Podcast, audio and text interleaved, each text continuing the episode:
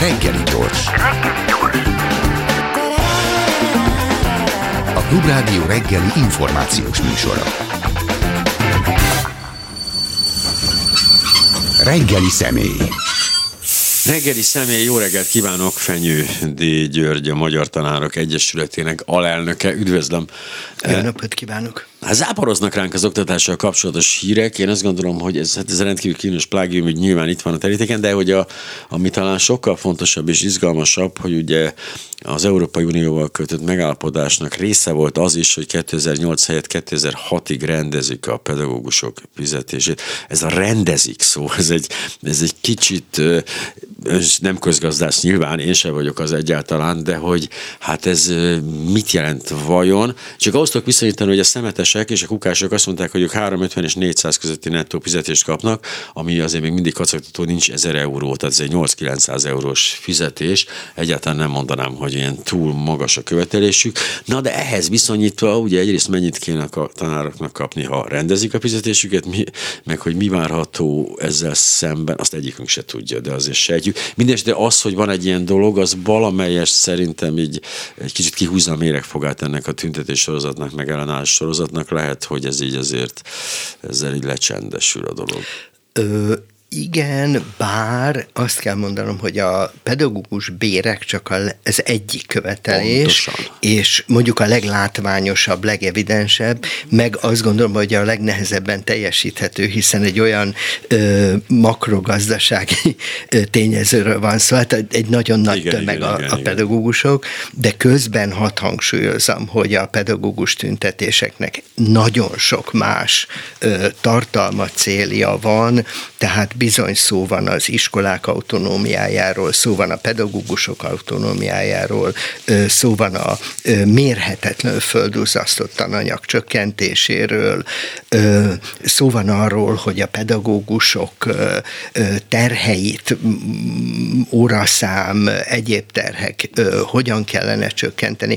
Tehát itt azt gondolom, hogy a hogy, ö, és nyilván időnként fölmerül, vagy most már a, ebben a tiltakozás hullámban előkerült az iskolák ö, felszereltségének állapotának, ö, fizikai állapotának is a, a problémája, a kisegítő, vagy egyéb, tehát a tanárokon kívüli személyzetnek a, a problémája. Tehát én azt gondolom, hogy, hogy most ö, igazából a, a, az iskolaügy egésze ami a tiltakozások közepében van. De Azért is fontos, igen, bocsánat. bocsánat, csak ezt az egy mondatot, hogy, hogy ezért érzékelem azt, hogy a szülők meg a diákok radikálisabban mellé álltak az iskolák mellé, mert hogy itt nem csak arról van szó, hogy hogy van megfizetve a tanár. Hogy de ami persze egy nagyon fontos és elengedhetetlen kellék ennek a dolognak, de ha lesz, végre meg lesz fizetve a tanárnak, akkor foglalkozhatunk azzal, hogy na és egyébként mi a probléma, mert hogy akad bőven, ugye ezzel kapcsolatban két dolog, hogy ugye egyrészt ez a G7 holnap eh, elindított a jó iskola sorozatot, ami hát egy, hogy is mondjam, egy egy ilyen science fiction, hogy minek kéne lenni ahhoz képest, ami van, az alapján, ami a világban van. Tehát itt nem arról van szó, hogy most találják ki a szerzők azt, hogy milyennek kéne lenni egy iskolának, hanem arról van szó, hogy a sorozat szerkesztői, Bogár Zsolt és Simon Andrea, hát megnézik, hogy hol tart a, a világ, ahol hol tartanak az országok, ahol kiemelkedő az oktatás, és hogy hát ebből mit lehetne esetleg alkalmazni, vagy mit nem. Hát ebből a szempontból szerencsénk, hogy elég sok ilyen lehet felelhetünk, hiszen egészen másfele megy az egész történet, de ez a 2006-os Európai Uniós hát meg kulcskompetenciák meghatározása, ez egy elég izgalmas történet, ugye kettő ilyen van, az anyanyelven folytatott kommunikáció, annak képessége, hogy az egyén fogalmakat, gondolatokat, érzéseket, tényeket és véleményeket tud kifejezni és értelmezni szóban és írásban egyaránt. Ha ezt jól értem, ez a funkcionális analfabetizmus felszámolását jelenteni, és hát nem növelését. A másik pedig, ez érdekes, mert ez az idegen nyelven folytatott kommunikáció a fentéket mediációs készségekkel egészíti ki, összefoglalás, parafrazálás, tolmácsolás, fordítás, valamint interkulturális megértés. Ez a két kulcs kompetencia, és ez nagyon eltér attól a dolgoktól, amit látok. Egy pillanatra hadd pontosítsam, Hogyne. hogy több kulcskompetenciát nevezett meg az Európai Unió. Itt igen, a fontos bocs, az, az igen, hogy ez került az élére. Igen, igen, igen. Tehát, hogy a matematikai, a természettudományos, a globális kompetencia, a szociális kompetenciák, tehát nagyon, nagyon sok és egy nagyon fontos dokumentumnak gondolom, pláne azért, mert hogy az oktatás ugye tagállami hatáskörben van, Viszont ha ilyen elveket megfogalmaz az Európai Unió, az egy fontos orientációs pont lehet minden tagállamnak. Másrészt pedig az, hogy az Európai Unió kompetenciákat fogalmazott meg. Tehát nem azt mondta, hogy mit kell tanítani, hanem azt mondta, hogy milyen képességekre lesz szükségük a diákoknak, milyen képességekben fejlődjenek. Na most nyilván van egy hierarchiája is ennek, ami nincs kimondva, de mégiscsak van egy üzenete annak, hogy az élére a kommunikációs kompetencia került. Az anyanyelvi kompetencia, anyanyelvi kommunikációs kompetencia, ami jelent írásbeli és szóbeli kompetenciákat, szövegértést is, meg szövegalkotást is, a szövegek közötti eligazodást, és így tovább. Most valószínűleg azért helyezte ezt az élre, mert minden másnak is az alapja ez. Ilyen nagyon egyszerű példákat mondok, hogy, hogy mindenki tudja, hogy matematikából, aki nem tud egy szöveges példát lefordítani a matematika nyelvére, vagyis nem érti meg, hogy a szöveges példában mi a matematikai tartalom, ott a szövegértés kompetenciánál kap Gellert a megoldás. Mm. Most ez az életben meg azt jelenti, hogy ha van egy mérnöknek egy problémája, azt pontosan meg kell értenie, keskeny az út, kamionok rosszul kanyarodnak, nem tudom én mi, és ebből kell egy mérnöki, és a mérnöki ez egy matematikai megoldást találnia. Na, ez azért mondom, mert ez azt jelenti, hogy az élet minden egyes területén, de elengedhetetlenül fontos ez a, ez a kompetencia. Hát hiszen Tehát, ugye ki... ez a mennyibe kerül egy kiló krumpli, 400 forintba kérek másfél kilót, 950 lesz. Igen. Itt el lehet veszteni a fonalat. Kész. Igen.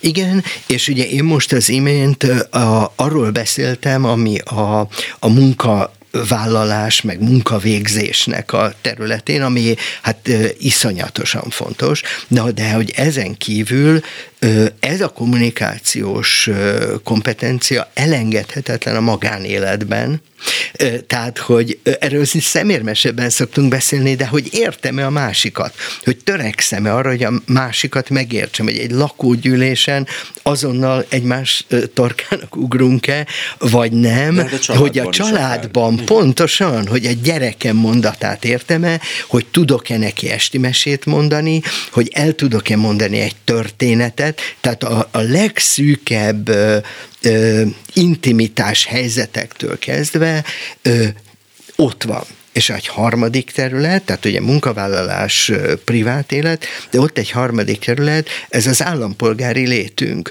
hogy értem-e pontosan, a hogy egy, kommunikáció. a hivatal kommunikációját, a politikai pártok kommunikációját, a, egy államnak a kommunikációját, ö, paritásban vagyok-e az állammal, paritásban vagyok-e, tudok-e vele kommunikálni, értem-e, és hozzá tudok-e szólni, hogy tudok érdemben szavazni, tehát hogy az életnek tulajdonképpen magánélet, munka, közélet, minden területén ez a kulcskompetencia. Úgyhogy ezért került a, a, az EU listájába, listáján is az élre. Ahogy említette, hogy ez egy 2006-os igen, ajánlás, igen. Ajánlás egészen konkrétan, és hogy hát meg is kezdődött ez a munka. Így van. Magyarországon ö, kétségtelenül, hogy ez a munka köthető a szocialista kormányokhoz, és mint ilyen nyilván ördögtől való, de hogy de elindult ez a folyamat, és nem is egy-két évre, hanem ez annál valamivel többre.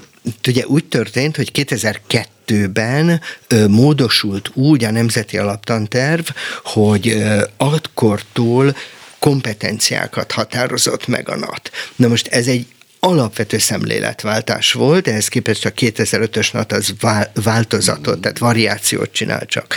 De hogy azt mondta, hogy az állam előírja, megfogalmazza, hogy milyen elvárásai vannak az iskoláktól, milyen embereket, milyen képességű embereket neveljen, mi az, amit mondjuk egy szövegértésben, szövegalkotásban fejleszteni kell.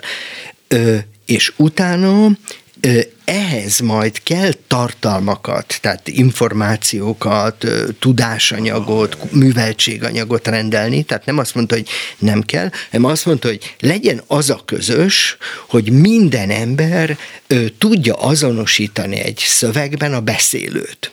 Hogy minden ember tudja mérlegelni azt, hogy ha kap egy hírt, azt milyen módokon tudja ellenőrizni, hogy igaz vagy álhír. Tehát ilyen fajta kompetenciákat, tehát nem általában mondta, hogy, hogy értsen szöveget, hanem le van bontva ö, elemekre, milyen kompetenciákkal rendelkezzen valaki. És nyilván ehhez hozzá kell rendelni műveltséganyagot, erre szolgált volna 2002-ben, vagy akkor még szolgált a, a mintatanterveknek a rendszere, amiből aztán kerettantervek lettek.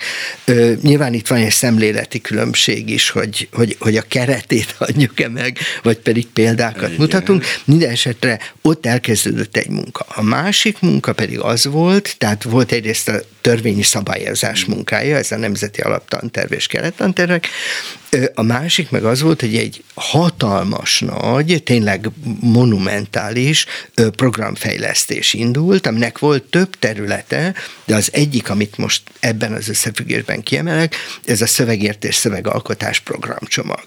Na most ez olyan hát azt kell mondanom, hogy szellemi erőkkel zajlott, amilyet nem nagyon láttunk Magyarországon, vagy én legalábbis nem, nem, nem ismerek ilyet.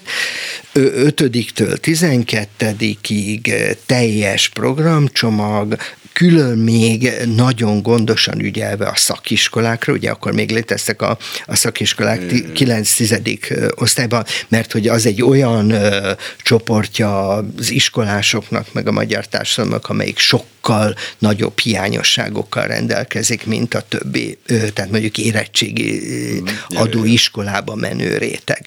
Na, tehát, hogy kialakult egy ilyen elképesztő anyag, akkor még, de hát ez, ez, ez, ez már végképp feledésbe merül, hogy ehhez képzéseket rendeltek Igen, hozzá. Igen, ez a kérdésem, hogy a tanárképzés lépést tartott ezzel, vagy, vagy átvette ezt a... Nagyon sokat átvett, nagyon sokat átvett a tanárképzés is, a tanár továbbképzés is. Ennek volt ilyen kipróbáló anyaga, aztán egy véglegesítő anyag, aztán visszajelzéseket kértek, szóval egy, egy tényleg komoly fejlesztés zajlott, aminek az eredménye lett egy, véleményem szerint, bár itt elfogult vagyok, mert hogy részt vettem benne, de mondjuk nem a meghatározó szereplője voltam, tehát hogy beszélhetek, mint egyik, egyik résztvevő. Tehát létrejött egy rendkívül magas színvonalú, nagyon jól használható, nagyon iskolaközpontú, gyerekekre figyelő, nagyon korszerű anyag. Aztán ez sokáig még elérhető volt, egészen addig, amíg az Unió ö, fenntartási kötelezettsége le nem járt, akkor lekerült a, a ö, portálokról.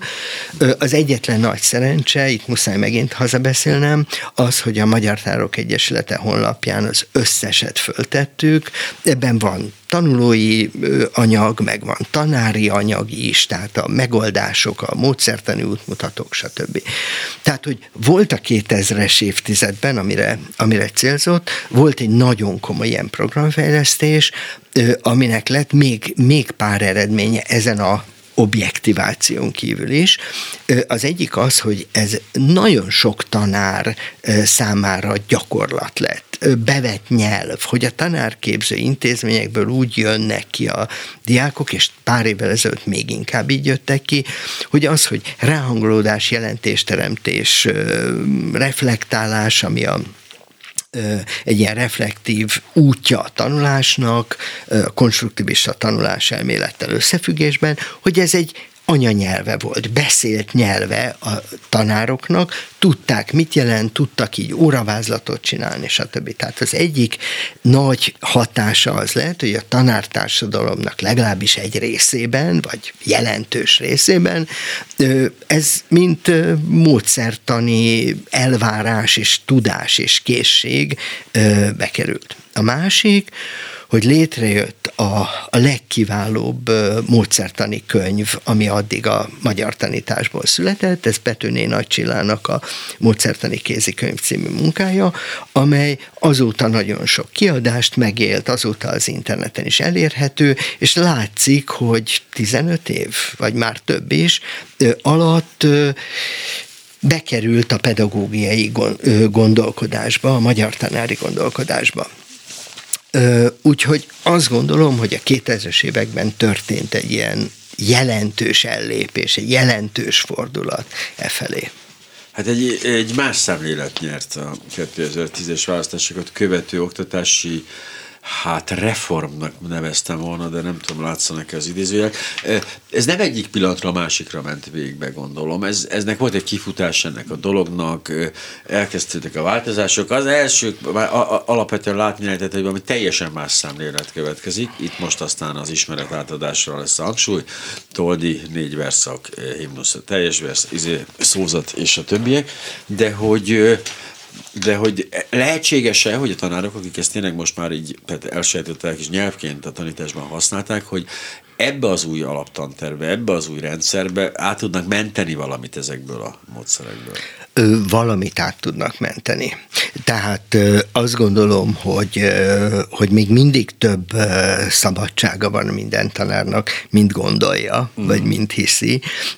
Tehát, hogy még mindig vagy azokat a szabadság lehetőségeket, vagy, vagy pillanatokat, vagy lélegzetvételnyi lehetőségeket azért ki lehet használni.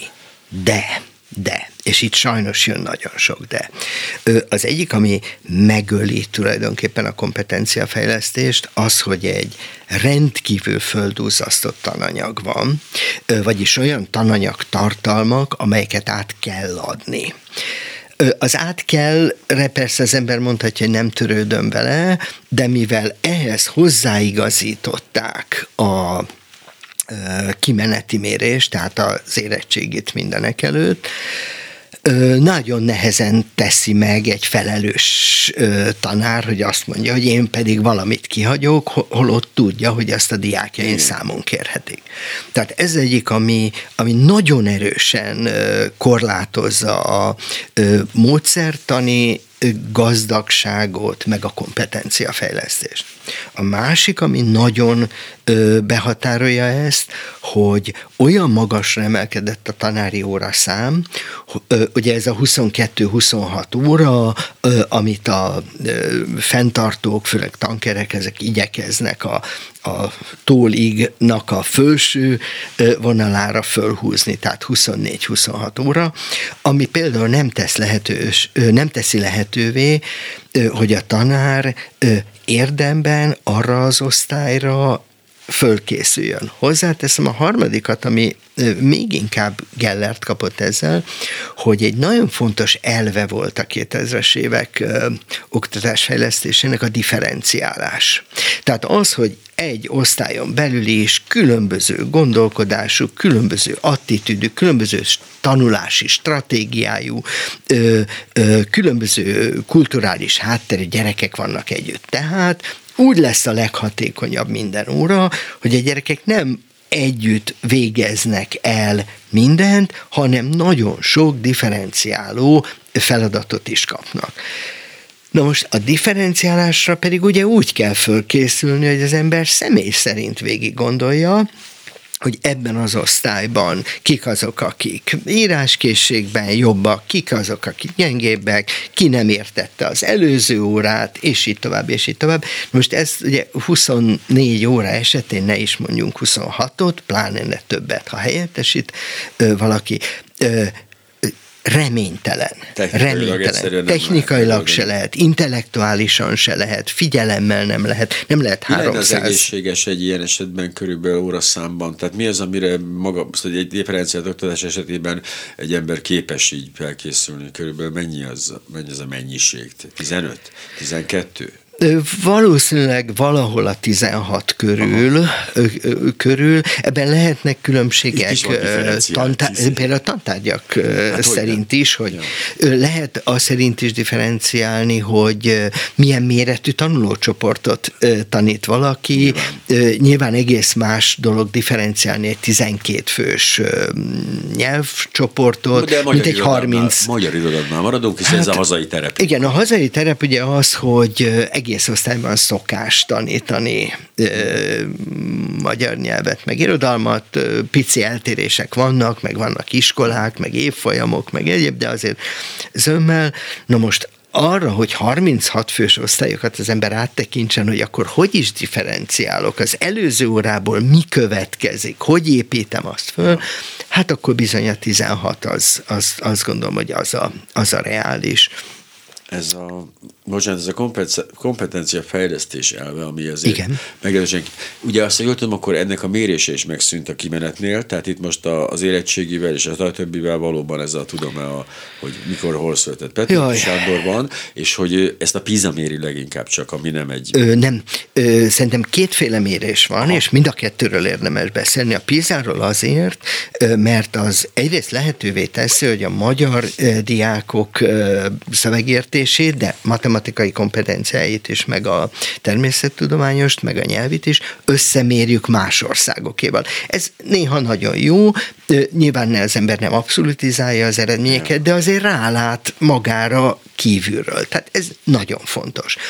Éppen ezért ez kapott messze a legnagyobb publicitást, és ilyen értelemben pedig végképp nagyon hasznos volt, hiszen az egész társadalomba az elültetődött, hogy mit tudnak a gyerekek megcsinálni, mit értenek, mire képesek.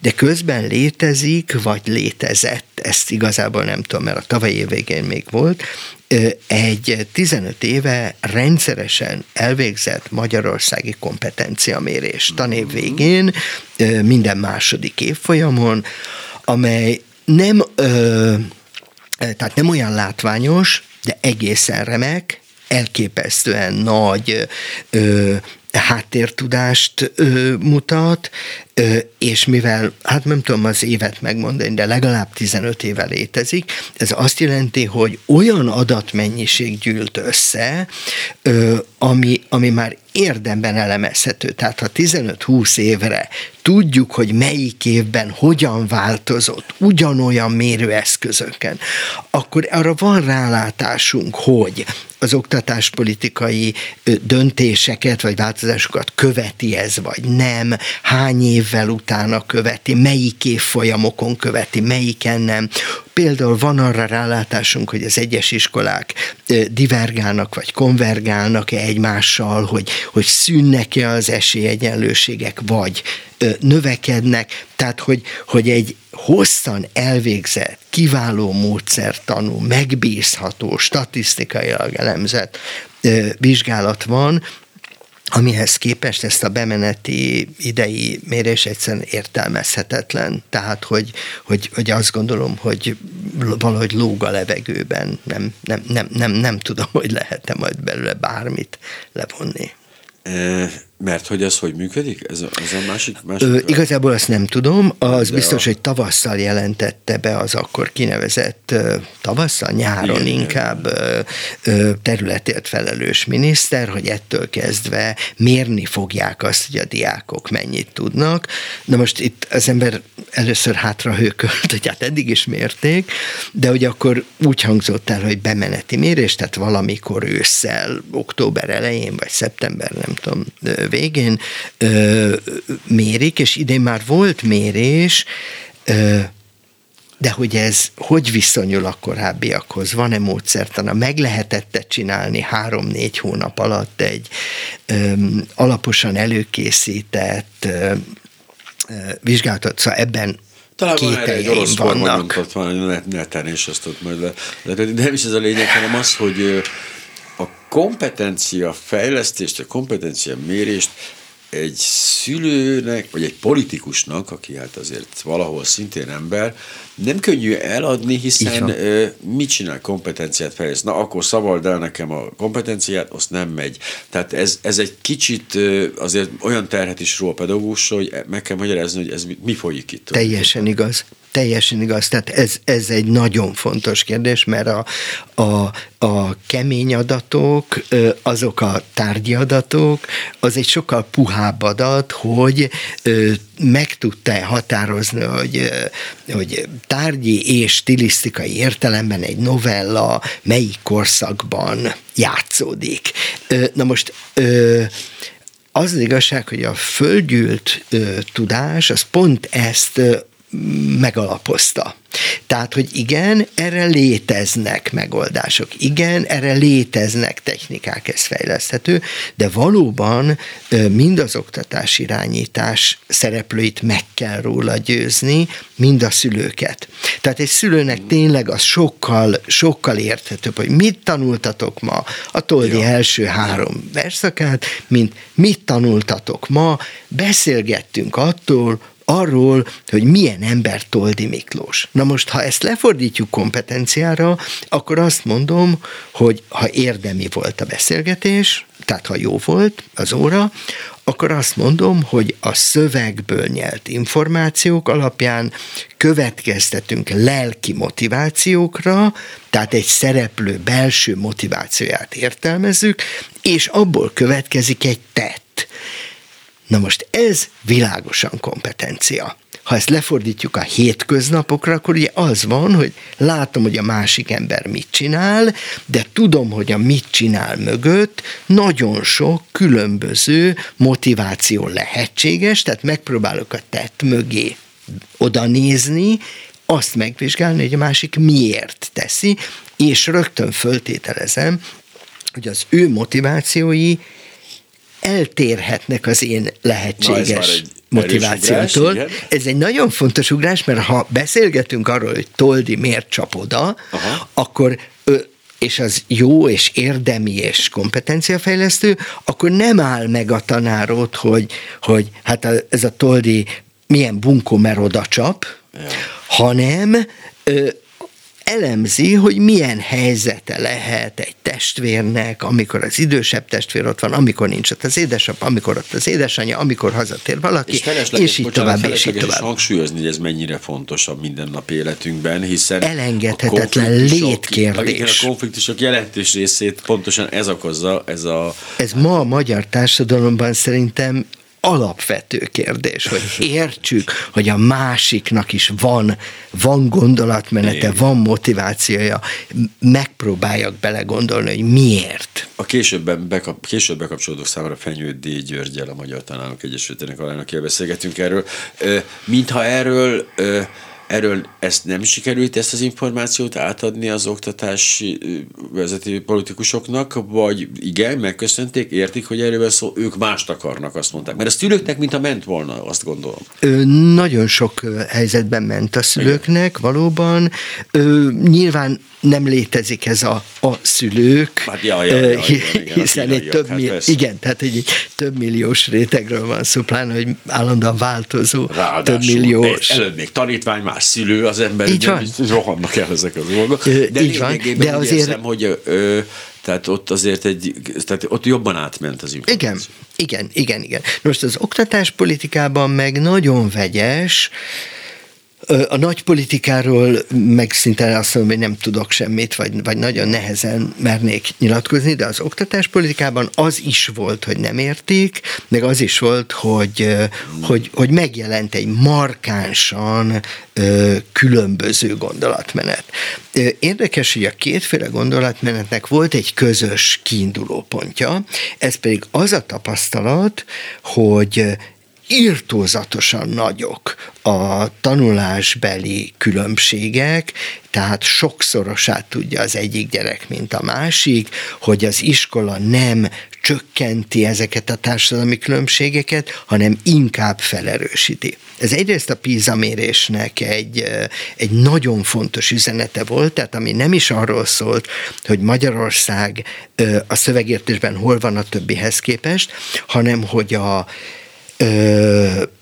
jó eredményt elérő fölső réteg az szűk, de semmivel nem rosszabb, mint az EU és a, és a, a OECD országok bárhol máshol legkiválóbb eredményt elérőke. Tehát, hogy létezik egy olyan szegmense a magyar oktatásnak, amely kiváló eredményeket ö, teljesít. Ugyanakkor a leggyengébb harmad az meg nagyon mélyen alul teljesített, és ez egy nagyon fontos tanulság volt. A másik ilyen fontos tanulság az volt, hogy nem iskolán belül mutatkoznak ezek a különbségek, hanem iskolák között. Tehát, hogy az egyik iskolában azért küzdenek, hogy a, a, az újság címlapját valaki elolvassa, a másik iskolában azzal, hogy, hogy a bűn és bűnhődést szépen végigolvassák a gyerekek.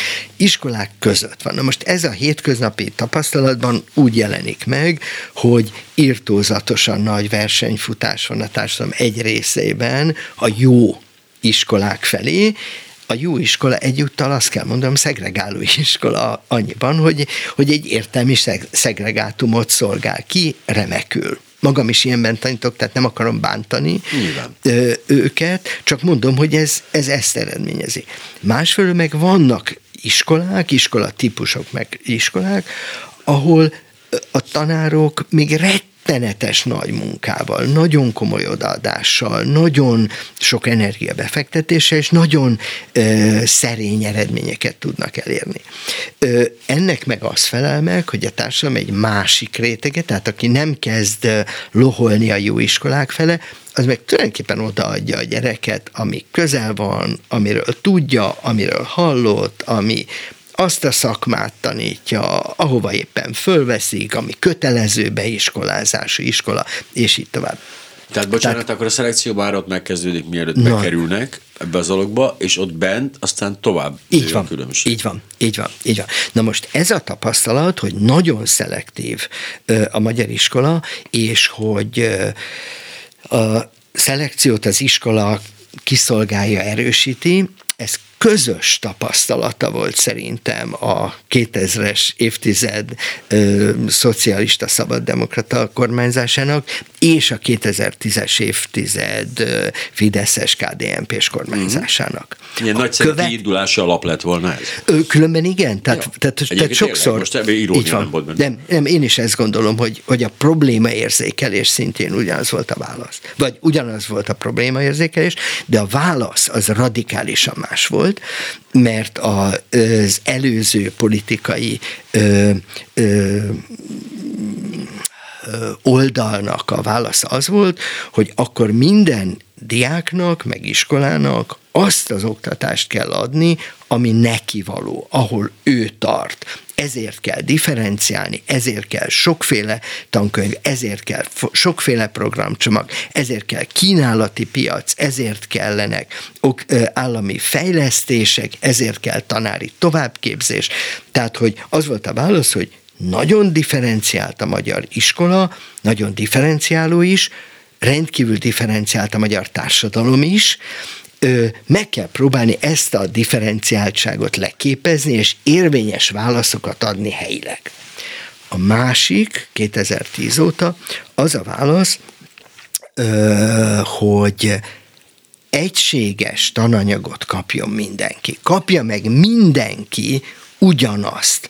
Ugyanazt, ami azt is jelenti, hogy ugyanabból a tankönyvből azt mondják, hogy az esélyeket az egyenlíti ki, ha nem választhat az egyik iskola ilyen tankönyvet, másik olyat, hanem mindenki ugyanabból tanítson. Mindenki ugyanolyan kurikulum szerint tanítson, mm. hogy a, a helyi tantervek tulajdonképpen eljelentéktelenedtek, plusz ezt nagyon határozottan ellenőrizze az ez állam. Logikusan hangzik. Logikusan hangzik, de egyáltalán nem logikus. Tűnik, ez, képzelj el, hogy azt mondjuk, hogy az esélyegyenlőséget az biztosítja, ha ma délben kiváló minőségű, akár egészen kiváló minőségű, marha pörköltet kap mindenki, nagyon finom főtt krumplival, remek, az egyéves gyerek nem fogja tudni megenni, a vegetáriánus hozzá se nyúl, akinek diétáznia kell, annak megfekszi a gyomrát, és itt tovább, és itt Aki tegnap is azt tette, az nem fogja kívánni, és itt tovább, és itt tovább. Tehát nem igaz, hogy egy egyenkaja, ha jó minőségű, most beszélünk arról, hogy jó Abszolút, minőségű, ez. az egy más kérdés, majd arról is érdemes beszélni, milyen minőségűek, de nem igaz, hogy ez mindenkinek mindenkinek jó a hét minden napján állandóan. Egy idő után szerintem mindannyian e, ettől, ettől úgy menekülnénk. Na most, ha egy olyan iskolában, ahol a gyerekek négy napig járnak iskolába, egy napot műhelyben vannak, ugyanazt a tankönyvet adom oda, ugyanazokat a kötelező olvasmányokat igyekszem elolvastatni, ugyanannyi időt szánunk valamire, akkor az mint mondjuk egy olyan iskolában, ahol elméleti képzés van fakultációkkal, akkor az lesz, hogy azok a gyerekek semmit de semmit nem fognak megérteni belőle. Ö, tehát az egyen tanterv, meg pláne egy ilyen nagyon erőltetett, feszített tanterv, azt eredményezi, hogy nagyon kevés idő van, nincs idő arra, hogy értsék a gyerekek, hogy földolgozzák, hogy megálljunk. A tankönyv, mint egy ilyen kötelező sürgetés ott van, Sajnos Bocsánat, ez... De ez, ez akkor sem működött volna, hogyha radikálisan csökkentik a mennyiségét a kötelező tananyagnak? Ez az egységesítés akkor sem lett volna megfelelő?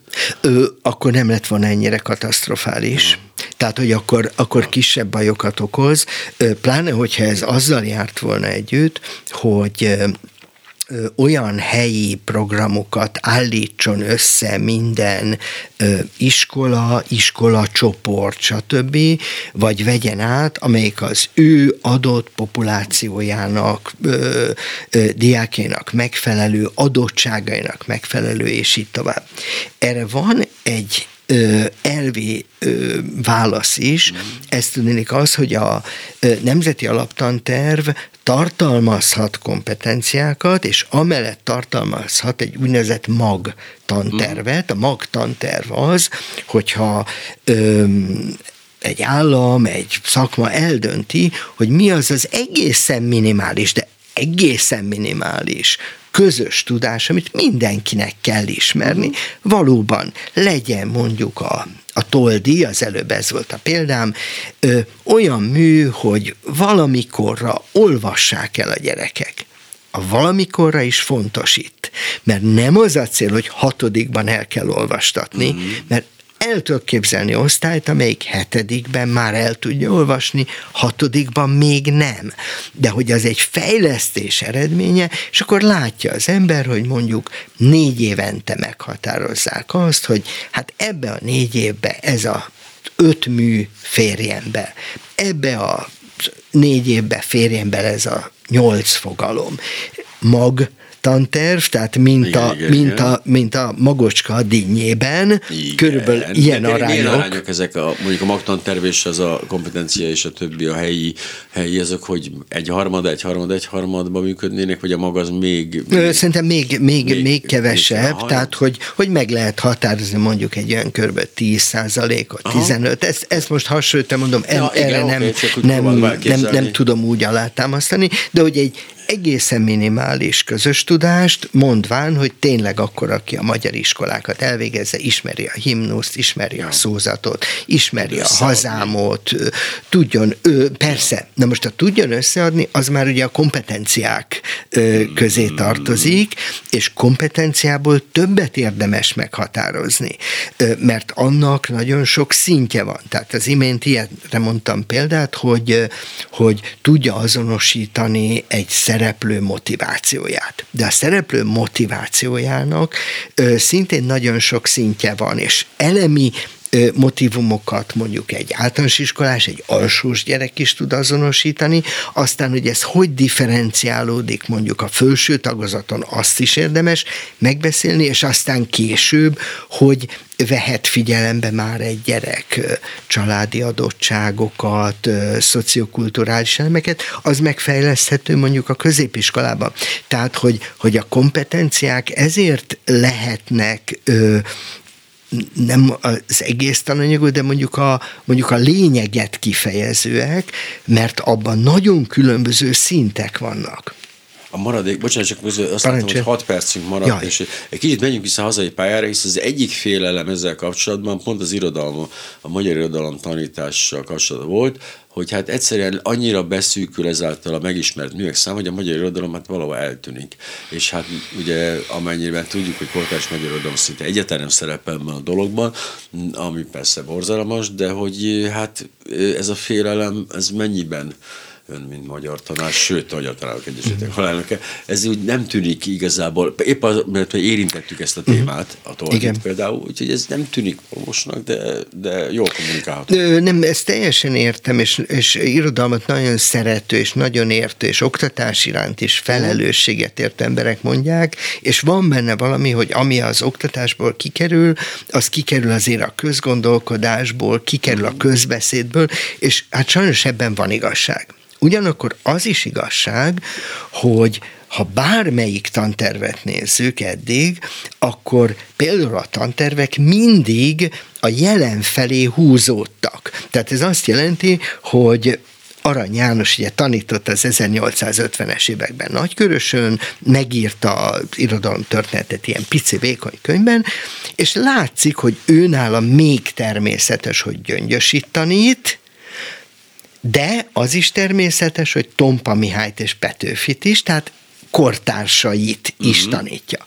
Na most azóta eltelt ö, 150 év, még több is, és minden tanterv egy picit lehagyta a régieket. Sajnálhatjuk Gyöngyösít, de kiesett, és húzódik az egész. Most az az, az igazság, hogy a új magyar irodalom, tehát mondjuk a, a 18. század végének irodalma előtt szinte semmit nem értenek már a gyerekek, Igen. tehát egyszerűen nem, nem érthető a 19. század első feléből szintén nagyon nehezen érthető, tehát egy Berzsenyit, Kölcseit, Vörös Martit. Igen, Berzsenyire egyszer... én is emlékszem, az kemény volt, nehéz, pedig nehéz, is. Pedig... Nehéz, és azóta ugye eltelt pár én, évtized. Én a években volt nehéz. Igen, hát és, és azóta akkor eltelt 50 év, hát ja. muszáj. És, és ugye ez, a, ez az időbeli tolódás azt is jelenti, hogy a kortársakat viszont nagyon érdemes lenne, hiszen kortárs alakokra, figurákra, problémákra, közös kérdésekre tud rákérdezni. Ezzel kapcsolatban jött eszembe, hogy boldog születésnapot kívánunk Parti Nagy Lajosnak. Isten éltesse. van neki, aki de hát jó. azért szintén nem tananyag, de nem mondjuk meg hány éves, hisz ugye örök fiatal, meg stb., de hogy azért ez, ez jól, jól jött ki, tehát ügyes, jól születtél Lajos, köszönjük, tehát a, a ritmus meg volt. Kétségtelen, hogy egyébként igen, tehát a, viszont a kortársaknál meg nem érte be, tehát hogy húzódik szét, ugye egyre hosszabb, ez mondjuk a történelem tanításnál a legészszerűbb, az őskortól kezdve egyre hosszabb idő telt el, és ugye mindig az a legérdekesebb, ami közel van, igen, bekerült a második világháború, aztán 56 bekerült, aztán a rendszerváltás, most már történelem és nem politika, de furcsa nekem egyébként, akinek még politika volt a rendszerváltás, hogy ez már történelem, sőt, hát a, a rendszerváltás utáni zavaros évek, ha pontosan fogalmazom meg, szintén a történelem része lett, tehát hogy közelít a, a jelenhez a tanítás. Irodalomban ezt nem érzem azért. Ö, megint csak volt egy idő, amikor közelített. Igen, Tehát a 2010-ig nagyon hangsúlyos volt, vagy elég hangsúlyos volt, nem nagyon, de elég hangsúlyos volt a kortás ö, irodalom, azért is, mert ö, ugye kortás irodalomból nehezebb ö, egy központi, ö, sok évre érvényes kánont létrehozni. Hát, most hozzáteszem, nem is kell. Tehát, hogy itt van egy, egy szemléleti tévedése szerintem a mostani oktatáspolitikának, hogy azt mondja, hogy igen, államilag meg kell határozni, hogy mely szerzők, nevek, művek kell, hogy előkerüljenek.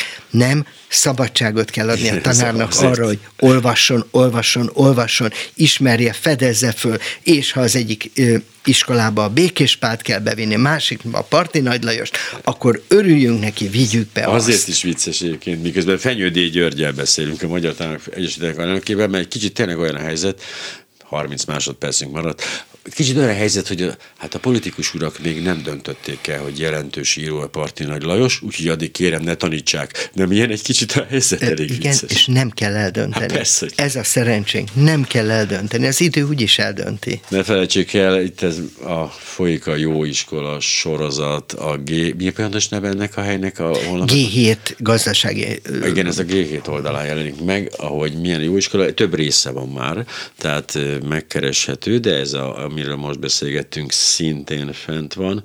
Nagyjából ezzel az időnk lejárt. Még folytatjuk egy kicsit, mert ez borzasztó érdekes nekem, hát főleg nekem, aki ezért ebben nyakig benne vagyok, úgyhogy köszönöm szépen, hogy itt volt. Köszönöm pedig szépen én is.